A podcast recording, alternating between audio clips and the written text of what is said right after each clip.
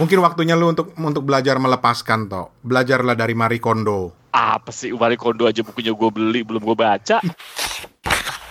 Beli 11, yang baru dibaca baru 3. Ini buku gue beli tahun 2012 dan uh, sampai sekarang belum gue selesain. Masih diplastikin karena masih tergoda sama pengarang-pengarang yang lain gua menjadi sundoku secara tidak langsung karena gua susah move on dari buku yang gua suka. Ada yang kayak gitu ya? Sialan lo. Eh ya lo udah pernah ke psikiater. Kira-kira nih kalau misalnya udah nggak ada, diwarisin atau dihibahin ke mana nih? Atau yang jawab, gue takut. Oh maksudnya kalau gue udah nggak ada gitu ya? Diwarisin.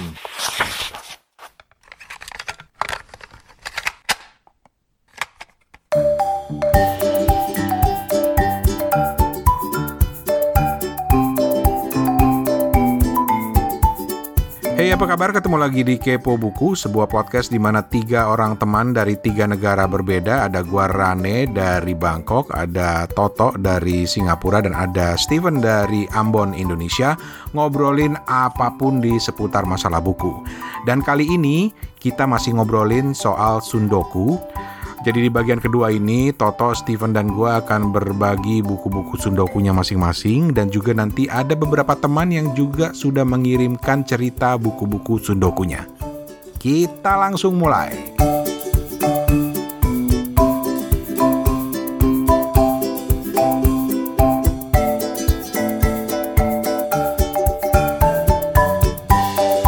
Di kesempatan ini kita akan dengar pengakuan masing-masing pihak masing-masing pihak. Hmm. kayak gimana banget ya? Ah, i, kayak ini kayak apa namanya uh, pengakuan dosa ya? Pengakuan dosa, iya iya.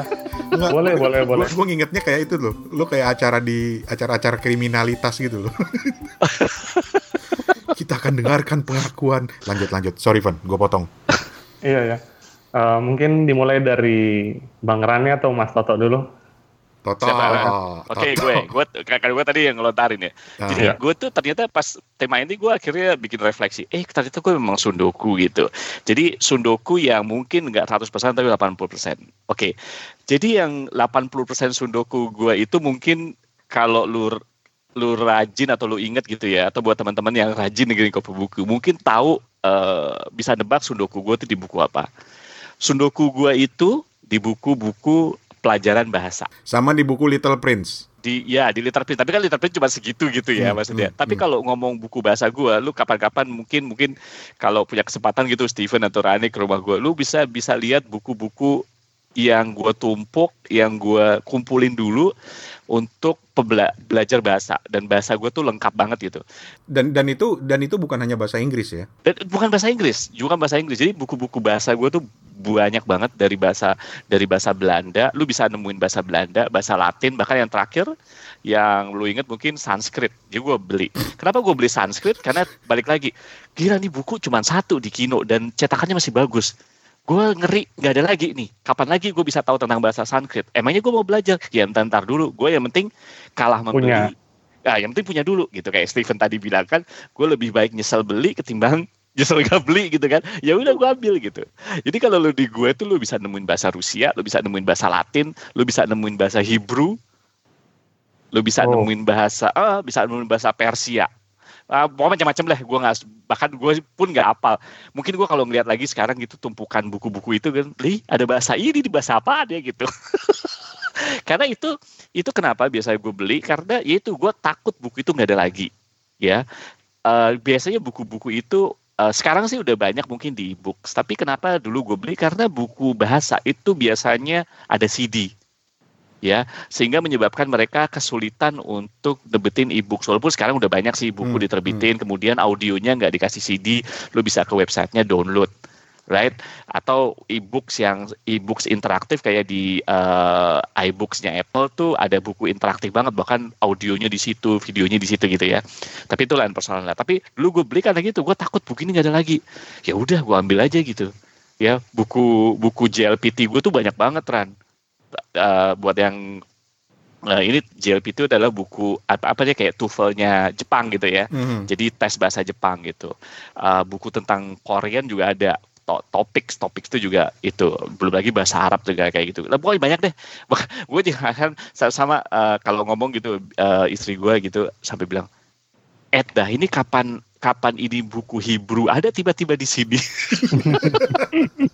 Nah itu sudoku gua gitu. Itu sudoku gua Gila gitu. lu ya buku bahasa pokoknya segala macem terkait dengan bahasa lu beli gitu ya. Iya gitu, apalagi bahasa yang aneh-aneh gitu. Tiba terakhir tuh gue Persia gitu, tiba-tiba ada buku apa namanya Urdu kayak gitu-gitu. Lu masih inget nggak buku yang paling lama lu beli dan sampai sekarang lu belum baca? Tentang bahasa gitu ya? Hmm, ya apa pun itu. Oh, yang paling lama yang saat ini gue belum baca. Jadi kalau buku bahasa biasanya tetap gue tetap ada skimming-skimming dikit gitu ya. Tapi biasanya buku yang menurut gue gue nggak niat sundoku, tapi emang susah banget untuk ngabisinnya. Dan lu pasti udah tahu juga. Nah ini yang menurut gue kategori yang kedua. Hmm. Yaitu buku-buku sastra. Beneran deh, apalagi sastra-sastra Inggris. Gue tuh kadang-kadang iri kan lihat lu, apalagi dulu zaman-zaman yang opat baca Murakami gitu ya. Mungkin Steven juga gitu kan ya, Val ya. Nah gue baca Murakami, sebab dua bab gue lelah gitu gak bisa baca lagi gitu ya. Seriusan, karena menurut gue gue bingung gitu baca sastra. Mungkin mungkin sama aja ketika gue baca buku sastra Indonesia gitu, uh, siapa pun itu gitu. Gue pun punya punya kelemahan untuk untuk tetap tetap uh, apa ya tetap uh, tetap membaca gitu. Karena kan sastra gimana gimana kan tetap perlu ini ya perlu apa sih namanya? Perlu energi ya tidak seperti cerita-cerita biasa gitu ya perlu pemikiran kayak gitu-gitu kan. makanya gue nggak niatin itu sundoku tapi gue niatin untuk baca gitu. Beda dengan buku-buku bahasa asing gue yang tadi gitu kan ya. Nah itu banyak gitu. Bahkan buku sastra ya lu nggak usah ngomong ya Murakami udah pasti sebab dua apa juga gue nggak terusin lagi gitu kan. Terus kayak bahkan buku yang yang menurut gue nggak sah-sah-sah banget tapi masuk literatur kayak bukunya si Nicholas Spark gitu itu kan sebenarnya nggak nggak ini, banget gitu ya. Ya itu aja kadang-kadang gue cuman sehari se, se, sebab aduh kok kayak susah bacanya ya. Terus gue kemarin baca yang terakhir kali gue sebut tuh bukunya si siapa?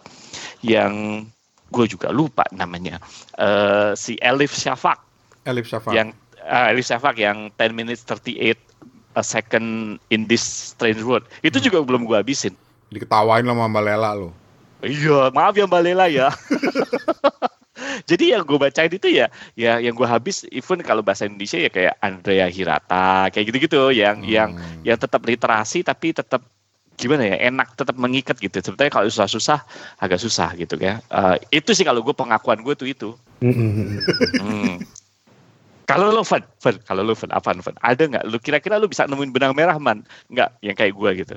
Uh, untuk kategori-kategori tertentu sih kayaknya nggak ada ya. hmm. Bang Rane, Mas Toto karena um, yang jadi kasusnya aku nih kayak buku baru tuh pengen aja di dimasukin dalam daftar bacaan, daftar koleksi di rumah gitu ya. Mm.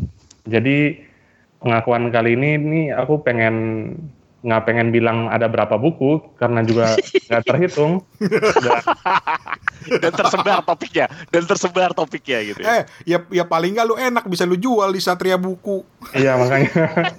Terus terus terus terus. Terus uh, yang pengen aku share di kali ini nih ada satu atau dua buku aja lah yang yang kira-kira nih buat episode ini nih. Ya yang pertama tuh ada bukunya buku yang paling mahal ya mungkin ya. Uh, tahun terakhir. Beli di Kino tapi nggak dibaca. Parah banget. Udah setahun udah setahun uh, hampir hampir setahun Agustus lah ya. Oke. Okay. empat ratus ribu lebih ini uh, bukunya Howard Schultz ya. Uh, CEO-nya Starbucks. Uh, From the Ground Up. Ini hmm. oke. Okay. uh, uh, waktu browsing browsing waktu itu di Kino tuh ih buku bagus nih. Uh, sebelumnya kan cuma ada satu dua buku ya tentang Starbucks yang beliau tulis dan ya harganya juga lumayan ada diskon gitu. Hmm. Pas ke pas ke kasir, eng eng uh, masa diskonnya tuh sudah lewat. Ya udah. Kadung gitu ya. Kadung ya udah di scan semua. Jebret uh, cukup cukup mahal juga waktu itu belanjanya terus akhirnya nggak kebaca karena um, banyak daftar bacaan yang baru yang lebih lebih menarik untuk diselesaikan lebih dulu dan mungkin sehabis ini uh, karena belakangan ini lagi tertarik dengan dunia kopi dan kayaknya tuh buku tentang Starbucks tuh kayaknya bagus ya untuk untuk diketahui untuk mm -hmm. uh, yang orang yang mau buka kedai kopi misalnya untuk tahu gitu ya uh, gimana sih kedai kopi yang sesukses Starbucks tuh dari model yang kayak gimana gitu mereka bisa lahir dan nggak ada tempat lain yang mungkin selain master kelasnya dia kita bisa belajar gitu ya satu-satunya kan yang lewat buku yang dia tulis gitu oke okay. hmm. Itu satu. Ah, terus uh, buku lainnya tuh yang aku lagi pegang sekarang tuh ada judulnya kumpulan lengkap cerpen Sitor Situmorang. Wih. Judulnya Ibu Pergi ke Surga. Nah ini cerita dapat bukunya nih juga juga agak-agak berbau kebetulan ya. Cie kebetulan. Kebetulan. Kenapa? Uh, karena karena waktu itu kan lagi lagi ceritanya lagi ke Surabaya terus mampir ke nah yang namanya C2O Library. Hmm. Nah di situ tuh mereka punya working space, punya uh, perpustakaan, tapi di sana juga ada lapak jualan.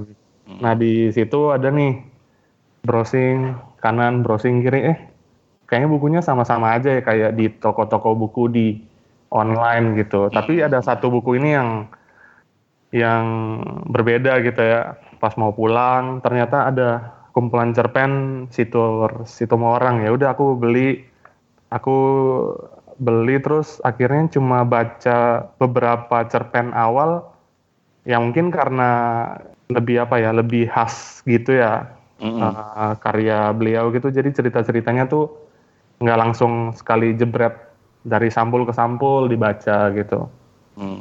ibu pergi ke surga itu kapan lo belinya? Uh, itu Mei tahun lalu. Oke. okay. Lu masih inget nggak buku ya. Yang lu beli terlama dan sampai sekarang belum lu baca? Hmm, mungkin ini ya um, bukunya siapa tuh ya? Oke, okay. sambil Stephen mikir, kita dengerin dulu cerita Sundoku dari teman-teman uh, kepo buku yang lain dulu.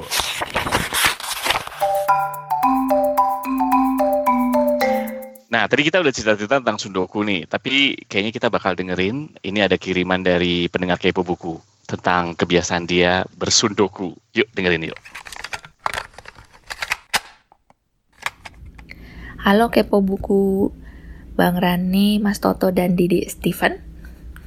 Saya Kiki dari Jakarta, mau sharing nih buku-buku yang udah dibeli dari lama banget tuh yang sampai sekarang beberapa belum dibaca banyak sih yang belum dibaca jadi kebanyakan sih kalau uh, kayak gitu tuh gara-gara uh, banyak event-event yang kayak BBW gitu dan sejenisnya itu. Jadi uh, bawaan tuh pengen beli borong banyak.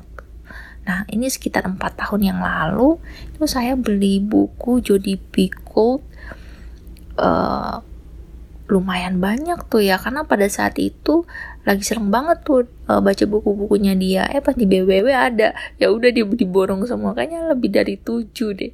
Dan sampai hmm, saat ini alhamdulillah ya belum dibaca. Soalnya ada buku-buku dia yang baru jadi baca buku yang uh, dia yang lebih baru. Terus uh, yang lainnya itu waktu beli eh waktu ada Jakarta uh, International Literary Festival itu Jills yang di tim. Itu uh, kira-kira borong 11 buku karena ada beberapa juga yang susah tuh buku yang cari dan kebetulan kan ada gitu kan. Uh, itu beli 11 yang baru dibaca baru tiga. Yang surat kopinya Joko Pinurbo Nawila sama satu lagi apa tuh? Lupa tuh. Jadi totalnya sih kalau dihitung-hitung ya lebih dari 10 lah yang belum dibaca dan udah dibeli. Belum lagi kalau tiap mampir toko buku kayak gemes banget pengen pengen beli-beli aja gitu. Gawat ya pokoknya. Mungkin uh, dengan ini dengan sharing ini mungkin saya jadi keingetan aduh banyak buku yang belum dibaca ya udah mulai dicicil deh ya. ya udah gitu aja sharing dari saya. Makasih.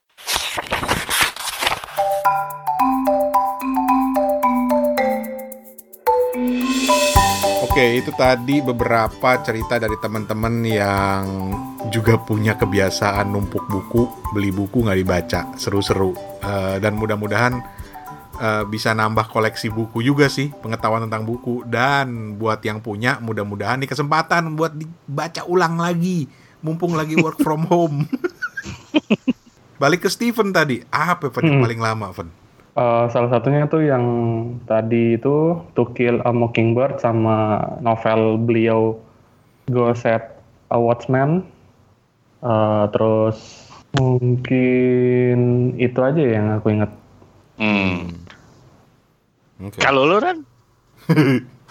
Gimana kalau lo? Kalau gue ini ada banyak sebenarnya uh, dalam artian dari dari genrenya ya. Kalau Toto kan mm -hmm. tadi fokus ke buku bahasa Uh, kalau gua itu genrenya macam-macam, tapi ada dua yang uh, menarik buat gua pribadi dan baru gua yeah. sadari setelah gua bongkar-bongkar yaitu yang pertama, gua itu banyak beli bukunya Paulo Coelho.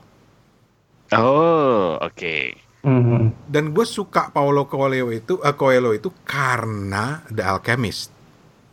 Mm. Itu salah satu buku yang gue bisa baca berulang-ulang sampai gila ini keren banget orang bisa bikin cerita kayak gini gitu dan mm -hmm. karena itu gue terpikir ah belilah uh, Paulo Coelho yang lain jadilah gue mundur setahun uh, kalau di Alchemist itu gue ingat gue belinya itu akhir tahun 90-an yep.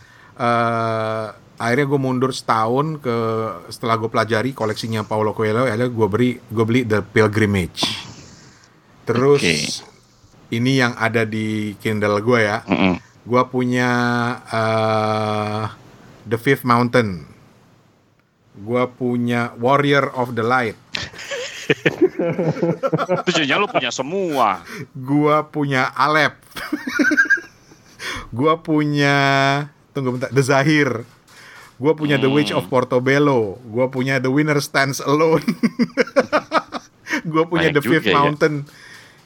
Ya. ya ya belum lengkap sih, tetapi karena gue pikir kayaknya menarik nih karena buku alkemis aja udah keren gitu akhirnya gue beli buku kedua yang gue beli itu The Pilgrimage gue coba baca seru hmm.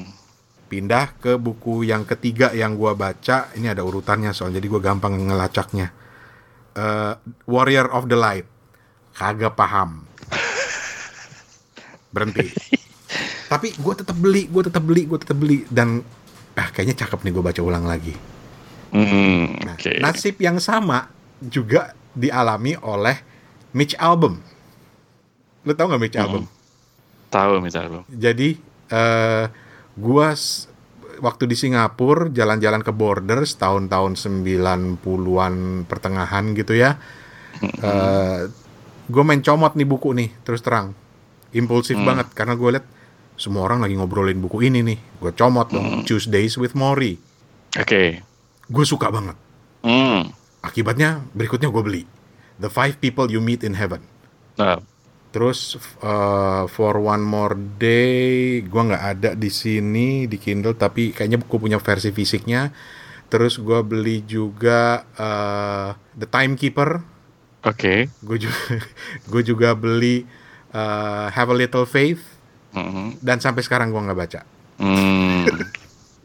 Karena bahkan yang terakhir nih gue sempet nih ke Kunia sempet tergoda untuk beli Finding Chica Finding Chica oke okay. itu ya itu itu salah satu buku terakhirnya Mitch Alb eh mm, terakhir apa yang terakhir kedua gitu. Uh, pokoknya itu uh, Finding Chica judulnya. Itu karena satu buku dan gue tergoda untuk membaca buku yang lain. Mm -hmm. tapi akhirnya kalau Paulo Coelho gue beli baca buku ketiga nggak suka eh, tapi gue tetap beli. Kalau Mitch album bener-bener satu-satunya buku dia Tuesday with Mori yang habis gue baca. Yang lain nggak gue baca hmm.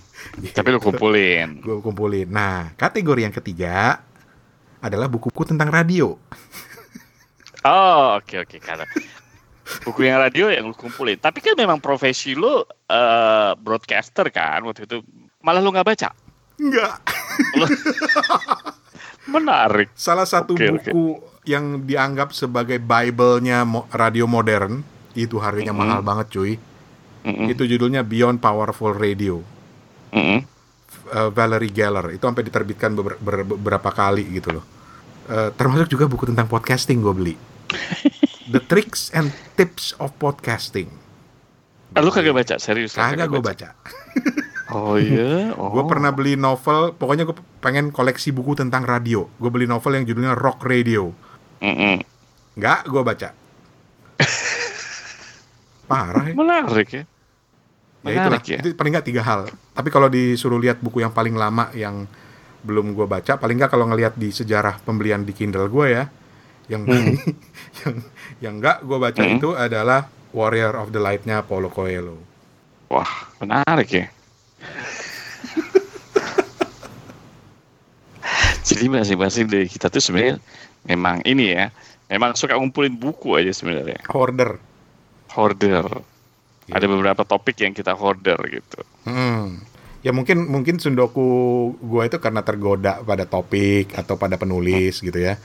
Mm-mm, mm-mm. Kalau Steven kalau dari cerita tadi dia bilang kan ya supaya nggak habis aja dia dia beli nanti bisa dibaca belakangan gitu.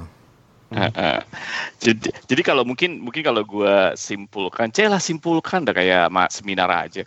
Eh, eh, mungkin kita beli itu karena mungkin eh, pertama adalah ada prinsip scarcity gitu kan ya, Hmm. yang apalagi buku-buku ya pokoknya pokoknya gitu. Kedua, mungkin yang kedua gue dan Rani gitu ya, kalau gue bilang kita itu punya tendensi untuk ngumpulin eh, series dari situ gitu. Kalau kalau lu misalnya kalau gue lihat gitu ya, eh, lu eh, bukunya Paul Coelho gitu ya, lu lu lu satu bagus dan lu akhirnya pengen ah, kayaknya gue pengen pengen pengen pengen baca buku-buku di yang lain kan kalau kayak gitu kan. Hmm, hmm. Sampai walaupun lu akhirnya berhenti di satu sisi, eh, ber- misalnya buku kedua lu akhirnya kayaknya susah dibaca atau eh, cukup sulit untuk dimengerti gitu ya, itu akan tetap beli selanjutnya karena menurut gua orang tuh punya tendensi untuk ngumpulin gitu, punya untuk supaya gue lengkap lah gitu kan, masa gue gitu kan, eh, mungkin ada tendensi kayak gitu. Dan kalau gue tendensinya adalah eh, ya bahasa tertarik lah kalau gua nggak kalau gua bisa bahasa yang ini mungkin bahasa yang itu. Jadi prinsip gua prinsip gue itu lebih ke arah melengkapi bahasa-bahasa yang ada akhirnya gitu. Kalau lu mungkin pengarang gitu, kalau gue menggali bahasa, kayak gue belum punya nih, kayak gue belum punya di bahasa Sanskrit nih, makanya gue beli waktu itu kan. gitu kalau gue gitu. Bener kan maksud gue? Nah gitu. Kalau kalau gue sih gitu. Jadi ya ada tendensi ke arah sana. Walaupun mungkin kalau kita karena kita mungkin suka baca buku ya jadi masih masih ya buku-buku yang beberapa buku mungkin sebanyak banyak buku yang kita baca ya banyak buku yang kita beli kita juga baca gitu kan. Tapi ternyata di sisi lain kita juga tetap tetap sundoku juga gitu di hal-hal tertentu di di topik-topik tertentu mungkin kalau menurut gue. Oh, salah satu buku yang eh, tentang radio yang gua beli Hmm. murni kagak Hmm. ada niat dibaca beneran. lu kan gak dia dibaca tapi lu beli kok bisa Iya. Karena gua gua rasa gua waktu itu gua lagi gua tuh merasa, "Uh, sebagai orang radio gua harus punya buku ini." Entah Hmm. gua kapan gua baca. Itu War of the Worlds-nya H.G. Wells. Itu kan Oh, oke. yang sering banyak dipakai buat kuliah radio di mana-mana karena itu kan Hmm, hmm, hmm. Buku yang kemudian diadaptasi jadi cerita rad- apa eh, sandiwara radio. Dan itu bikin geger Amerika karena nyangka jadi buku itu cerita tentang invasi eh, makhluk Mars ke bumi. Dijadikan sandiwara radio. Hmm. dan itu sempat bikin eh, panik orang karena menyangka benar-benar ada orang Mars turun ke bumi gitu loh. Dan itu jadi Hmm. jadi klasik. Dan gue pikir gua harus punya bukunya ini. Dibaca sampai sekarang boro-boro dibaca gua rasa itu ada di rak buku paling bawah di rumah gua di Bekasi itu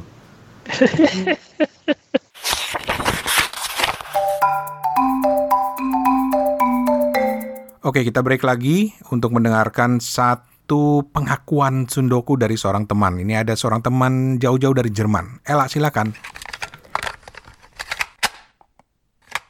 Halo kepo buku, nama gue Ella. Saat ini gue lagi studi dan tinggal di Jerman. Eh, gue mau cerita tentang 5 buku yang udah gue beli tapi belum sempat gue baca. Yang pertama adalah Midnight Children-nya Salman Rushdie.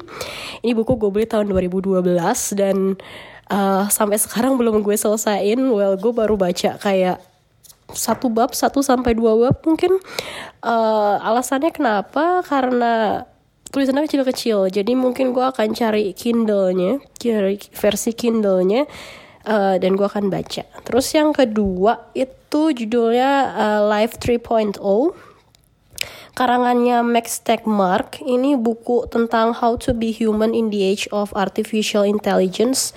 Uh, ini juga buku gue beli tahun lalu, tapi belum gue selesaiin baca uh, karena kedistraksi sama buku lain. Terus yang ketiga itu uh, The Radium Girls-nya Kate Moore.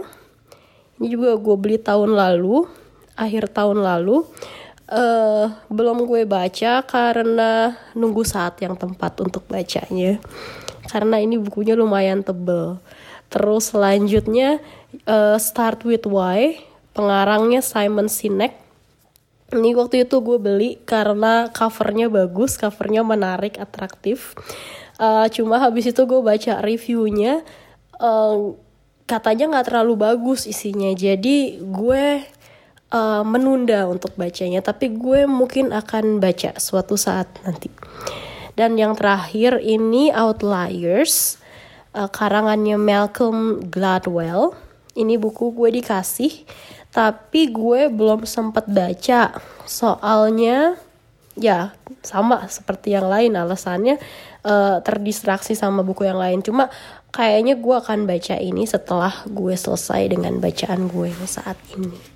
Jadi itu cerita gue. Terima kasih sudah mendengarkan. Sukses terus kepo buku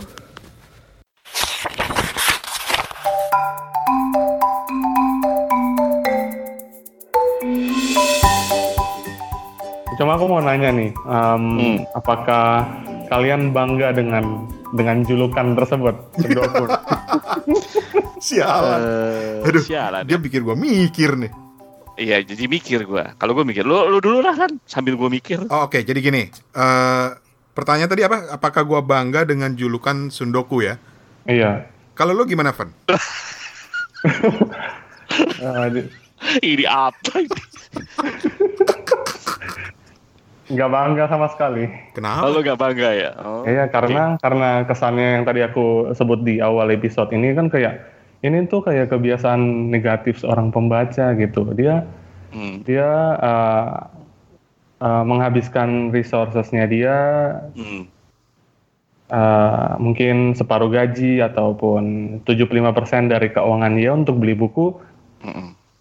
Uh, akhir-akhirnya malah tidak terbaca dan malah menumpuk, malah bikin space bertambah gitu kan.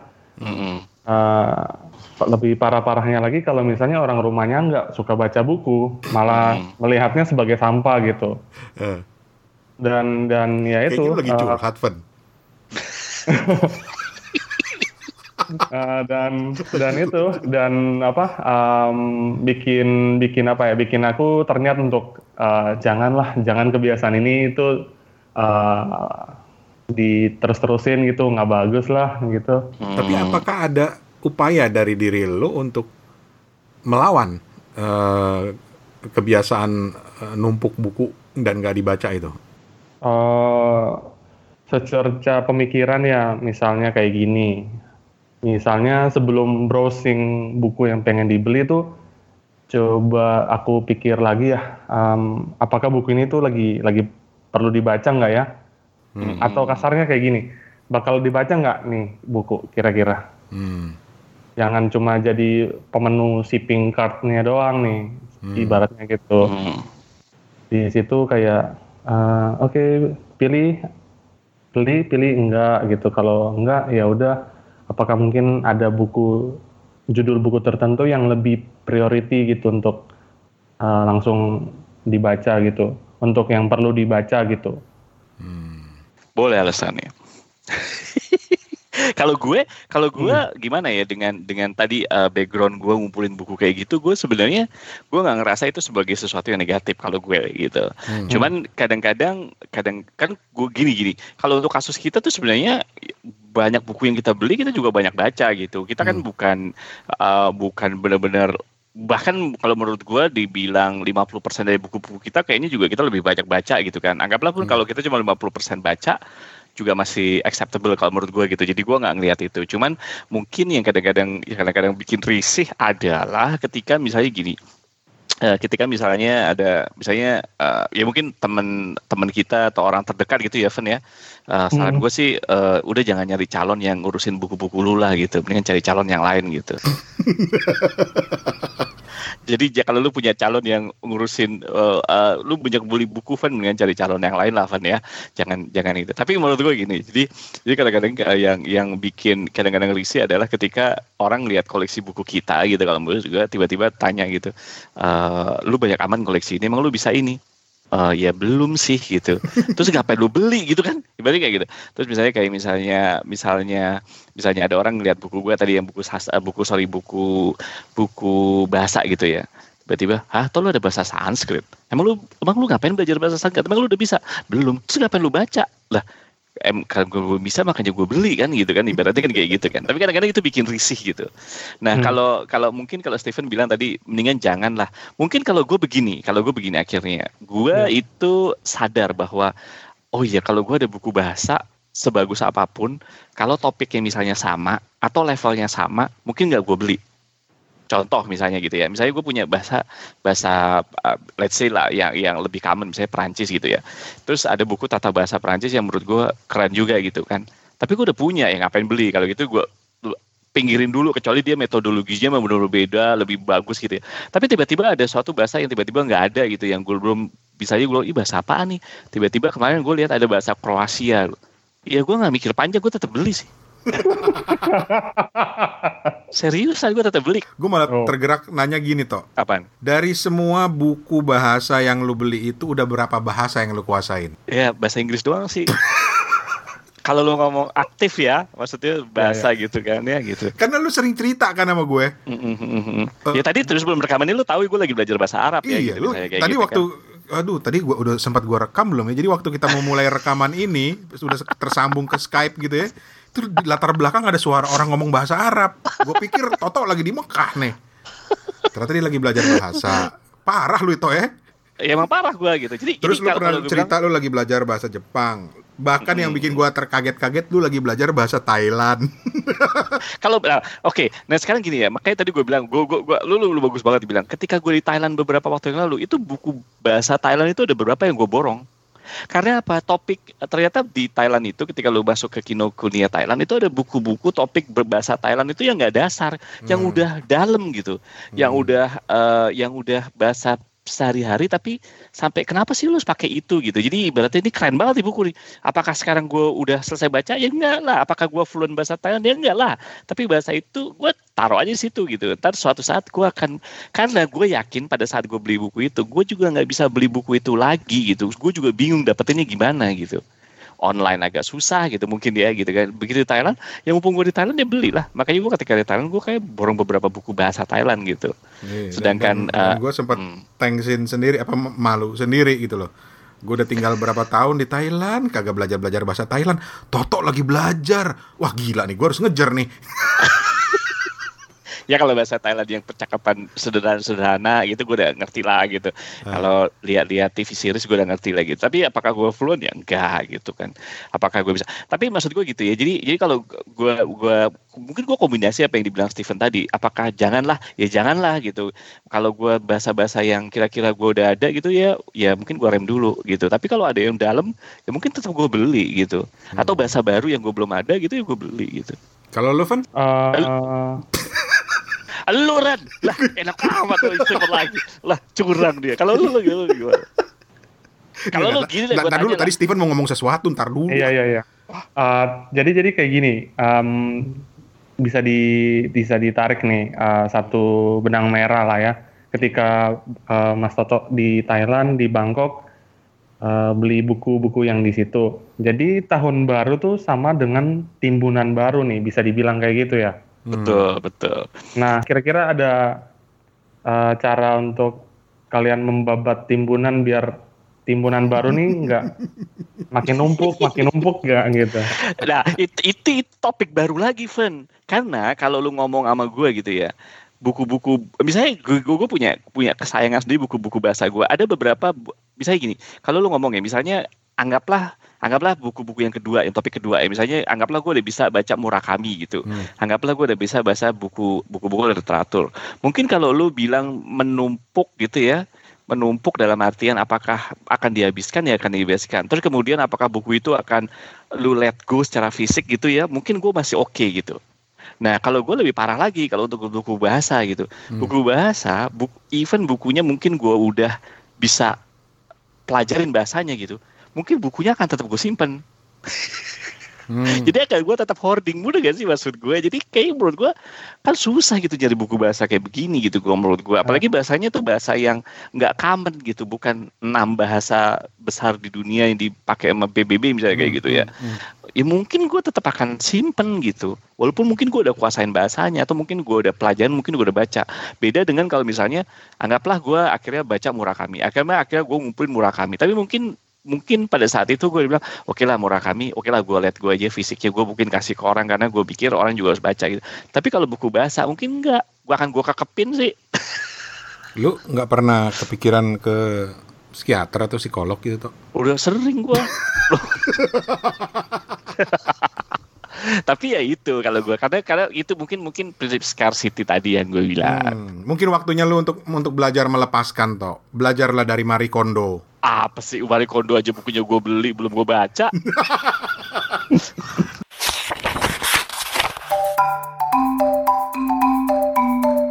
Oh iya. Ada rekaman dari para pendengar. Coba kita dengar, coba kita simak pengakuan si Sundoku berikut ini. Selamat malam, em, podcast Kepo Buku, Om Rane, Mas Toto, dan Bang Steven. Eh, saya Ganesa, panggilannya Caca. Mau ikutan Sundoku. Jadi, Sundoku saya tuh buku-bukunya karangan penulis yang saya idolakan waktu saya lulus SMA sekitar uh, tahun 2000 2004 2005 sekarang 2020 jadi saya ke Gramedia terus ketemu buku. Waktu itu covernya masih merah putih kalau nggak salah. Cover lamanya judulnya Dunia Sophie yang ditulis oleh Jostein Garder. Waktu itu saya baca ngisi kekosongan sambil nunggu SPMB zaman saya masih zaman SPMB nggak tahu mungkin zaman zaman om om sekalian namanya bukan SPMB Ah, jadi dunia Sofi. Terus saya masuk universitas akhirnya setelah enam bulan masuk kuliah selesai. Buat saya bukunya berkesan sekali. Saya jadi tahu apa itu filsafat dan penggambarannya tuh s- tokohnya tuh si Sofi kan masih muda relatable gitu kalau kata bahasa anak milenial. Dia usianya kalau nggak salah 14 tahun terus dia ketemu aduh aku lupa banget cerita tapi itu berkesan sekali. Saking berkesannya ketika kita masuk ke kuliah ya waktu itu ada gathering terus kita disuruh sebagai mahasiswa tuh disuruh bawa sa- ba- satu barang yang berkesan nanti kita tuker kado ragu-ragu saya mau lepas ini koleksi ini koleksi. Ah udah nah semenjak itu kecintaan saya terhadap eh, Bapak Justin Garder jadi berkembang. Mulai ngikutin ngikutin bukunya. Tapi sebagai sundoku yang hanya membeli saja jadi ada tujuh ada lima yang belum terbaca. Waktu itu saya sudah baca eh, petualangan Bibi Boken Dunia Maya. Sisanya saya belum baca. Ada The Puppeteer Princess of Tales, Dunia Anna, Dun House of Tales, Dunia Cecilia, The Castle in the Prince, satu lagi, ah, aduh lupa satu lagi, itu masih belum punya. Kenapa saya ngumpulin ngoleksi semua tulisannya Opa Jostein Gardner karena saya berharap mendapatkan pengalaman yang serupa ketika saya menghabiskan dunia Sophie pada tahun 2004-2005. Tapi sampai sekarang em, belum saya buka, masih diplastikin. karena masih tergoda sama pengarang-pengarang yang lain, sama hype-hype buku-buku yang lain. Sekian dari saya cerita tentang Sundokuknya.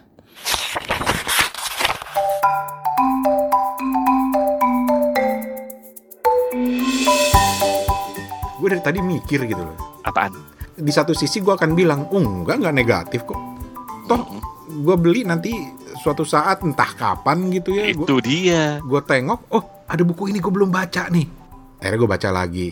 Tapi kemudian gue mikir, gue itu punya kebiasaan jelek yang secara tidak langsung menyebabkan gue menumpuk buku, buku dan gak dibaca. Apa tuh? Kalau eh, teman-teman yang lagi dengerin ini rajin ngikutin ke- kepo buku, mungkin akan menyadari ada kecenderungan itu. Yaitu apa? Gue susah move on dari buku yang gue suka. Jadi lu baca Ah, terus-terusan. Iya, iya, iya. Iya kan? Jadi satu Iya. buku lu baca terus-terusan gitu. Iya. Contoh, Oh, contoh, oke. contoh paling aktual. Apa tuh? gue baru aja eh, belum seminggu lalu dari kita rekaman ini gue beli dua buku yang sebenarnya udah gue baca bahkan satu buku ini gue baca hampir setiap tahun Hmm. yang pertama itu kontak Nggak heran. yang kedua opera bulu tangkis Opera bulu tangkis. titinginung Oke. itu udah gue baca toh tapi gue cinta banget sama buku itu akhirnya gue baca nah dari situ gue mungkin mikir sampai Steven tadi ketawa jangan-jangan dia nyadar sama pola gue jadi Enggak, enggak. gue gue mikir gini eh gue menjadi sundoku secara tidak langsung karena gue susah move on dari buku yang gue suka Ada yang kayak gitu ya. sialan lo Eh ya lu udah pernah ke psikiater. Gitu loh jadi jadi contoh nih setelah gue lihat inget-inget lagi ya kadang-kadang begitu mau mulai rekaman kepo buku yang edisi spontan ya untuk review buku gue langsung yang muncul di kepala gue itu pasti buku yang pernah gue baca. Hmm, langsung "Ah, anjir nggak boleh begini nih. Itu lagi itu lagi gitu. itu lagi itu lagi. Dengan alasan gue selalu bilang oh enggak. Ini eh, bagus walaupun udah buku lama padahal. Karena itu nempel banget di kepala gue. Nah mungkin itu yang secara tidak langsung menyebabkan gue kemudian beli buku tumpuk tumpuk tumpuk tumpuk karena gue masih terus susah move on dari buku-buku itu. Kayak misalnya gue sekarang lagi menahan banget diri gue karena ada teman gue nawarin Mm-mm. dia punya buku agak mahal tapi eh, dia punya buku serial Dr. Karl May lengkap dan itu masih cetakan lama Nah. dari Balai Pustaka. Bener-bener masih warnanya coklat. Nah, entah ini akan jadi topik beda atau enggak. Tapi lu pernah mikir nggak sih bahwa em, buku-buku yang dulu pernah ngebekas di lu pada gitu ya, waktu kita waktu kecil gitu ya, kemudian sekarang diterbitin.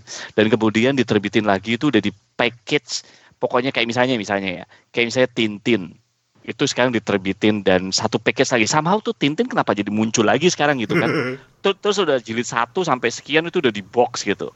Terus misalnya kayak even Harry Potter gitu kan. Harry Potter agak kekinian kan. Tapi juga diterbitin dalam satu box gede gitu. Terus apalagi lima sekawan eh, kalau bahasa Inggris apa Nah. ya? Fam- eh, five famous ya. Famous five gitu kan. Hmm, hmm.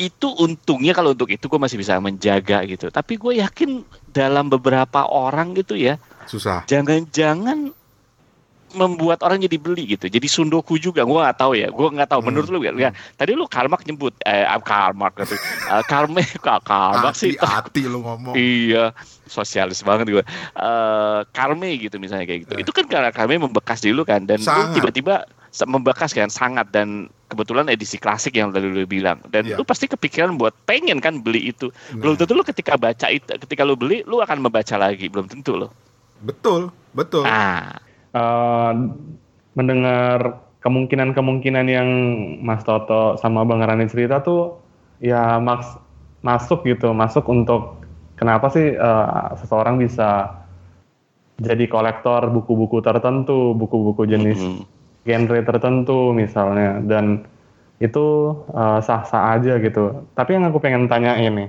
misalnya em, buku-buku itu sudah sedemikian banyak, terus eh, buku-bukunya mungkin paling lengkap gitu ya ibaratnya. Ada keinginan atau pernah tercetus nggak untuk kira-kira nih kalau misalnya udah nggak ada diwarisin atau dihibahin ke mana nih? Fen lu nggak nggak pengen ke psikiater, Fen? Toto yang jawab, gue takut Oh, gua apa sih? Oh, maksudnya kalau gue udah nggak ada gitu ya. diwarisin. Gue gua akan pakai jawabannya Bob Sadino lah. Hmm. Ketika dia ketika ditanya, "Eh, Om Bob, kalau Om Bob eh, apa namanya nanti udah nggak ada, ini perusahaan siapa yang bakal diwarisin? Dia kalau nggak salah jawab gini, itu mah bukan urusan gua ya, gua udah mati kata dia gitu. Itu juga jawaban yang akan gue pakai gitu. Ya bukan urusan gua lagi lah. Emang gue ngapain gue mikirin? Seriusan, gue gak ngepikirin itu. Ya kalau gue bukan urusan gue lagi ya urusan siapa kayak itu. Udah, udah apain? mati. Oh, oh, gitu. Bener juga lo, Tok. Kalau lu lah, Kalau gue mikirnya begini, gue justru punya per- pertanyaan yang jadinya begini. Gue dulu punya banyak koleksi buku fisik yang perlahan udah mulai berkurang ya, karena gue pindah ke e-book gitu ya. Mm-mm. Eh, sehingga pemikiran gue itu nggak jadi nggak lagi seperti Stephen yang mikirnya, ntar kalau gue udah nggak ada, ini gue warisin nggak ya buku itu gitu ya. Gue nggak mikir begitu lagi, tapi gue mikir gini, sampai kapan ya semua koleksi buku-buku online gue itu tersedia di online? Hmm. Ada nggak sih yang pernah nanya kayak gitu? Misalnya gue punya banyak banget. eh, kalau gue lihat sekarang mungkin udah eh, di atas 100 gitu ya koleksi buku Kindle gue. Tapi gue mikir gini, sampai kapan ya itu akan ada di online ya? Kalau fisik kan gue bisa pegang. ya kan? Lah kalau online itu servernya hancur, dibom katakanlah amit-amit gitu ya. Udah bukan punya gue lagi. dan dengan dan sambungan itu ketika gue mewariskan ya paling gue kasih akses password aja. Bingung kan lu? Bingung kan lu? Makanya gue bilang, kalau gue udah gak ada, bukan urusan gue lagi. Mikirin amat gitu. iya sih. Steven nih kayaknya aliran romantis gitu yang yang Iya, Fen, ya? Aliran lu, lu memang akan mewariskan itu semua atau gimana, Van? Eh, Lu nggak tertarik ke psikiater? Eh, kalau kalau misalnya dibilang kayak gitu ya mungkin paling buku-buku yang eh, udah kelar dibaca akan akan lari ke perpustakaan sekolah mungkin ya Hmm, hmm, biar mencari penghuni yang baru gitu ya. Hmm. hmm, hmm, hmm. Betul juga, betul juga. Tapi tadi makanya gue jawab dari tadi kan eh, sebelum lu tanya juga, kayaknya kalau misalnya gue pun eh, misalnya akhirnya bisa membaca buku-bukunya Murakami kayak gitu ya, terus gue akhirnya beli-beli beli terus, gue masih bisa rela Murakami itu atau kayak gitu-gitu gue gue kasih ke orang. Karena ada beberapa buku gue juga gue kasih ke orang gitu ya walaupun Ah, buku iya, itu iya. gue suka gitu kan. Tapi kalau untuk kasus buku bahasa sepertinya belum karena itu tadi scarcity-nya tetap tetap akan gue lihat dulu gitu. Apalagi untuk bahasa-bahasa yang aneh-aneh gitu karena susah gitu ngedapetinnya gitu. Tapi ya mungkin mungkin gue pikir kayaknya ada suatu ketika ketika lu tuh memang udah harus let go gitu. Ya nggak nggak bisa nggak bisa pegang itu lagi juga gitu. Menarik ya. Bahasan yang simple tapi jadi dalam. gitu Jadi ya itulah pengakuan-pengakuan kita dan juga pengakuan beberapa temen yang udah ngirim ceritanya tentang eh, buku-buku yang udah lama dibeli tapi belum dibaca olehnya oleh mereka gitu ya. Dan ya kita nggak bisa menilai itu neg- negatif atau positif karena kita bertiga aja punya pendapat yang berbeda gitu. Mm-mm. Jadi ya bebas-bebas aja lah. Hidup mah dibawa santai aja. iyalah jangan serius-serius Nanti kalau udah nggak hidup kan bukan urusan kita lagi. gue demen tuh. Gue kutip tuh tau beneran tau.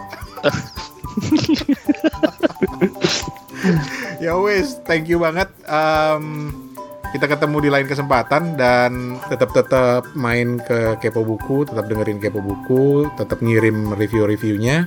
jangan malu-malu sharing ya Jangan malu-malu sharing. Toto, terima kasih banyak. Steven, terima kasih banyak. Thank you Thank you.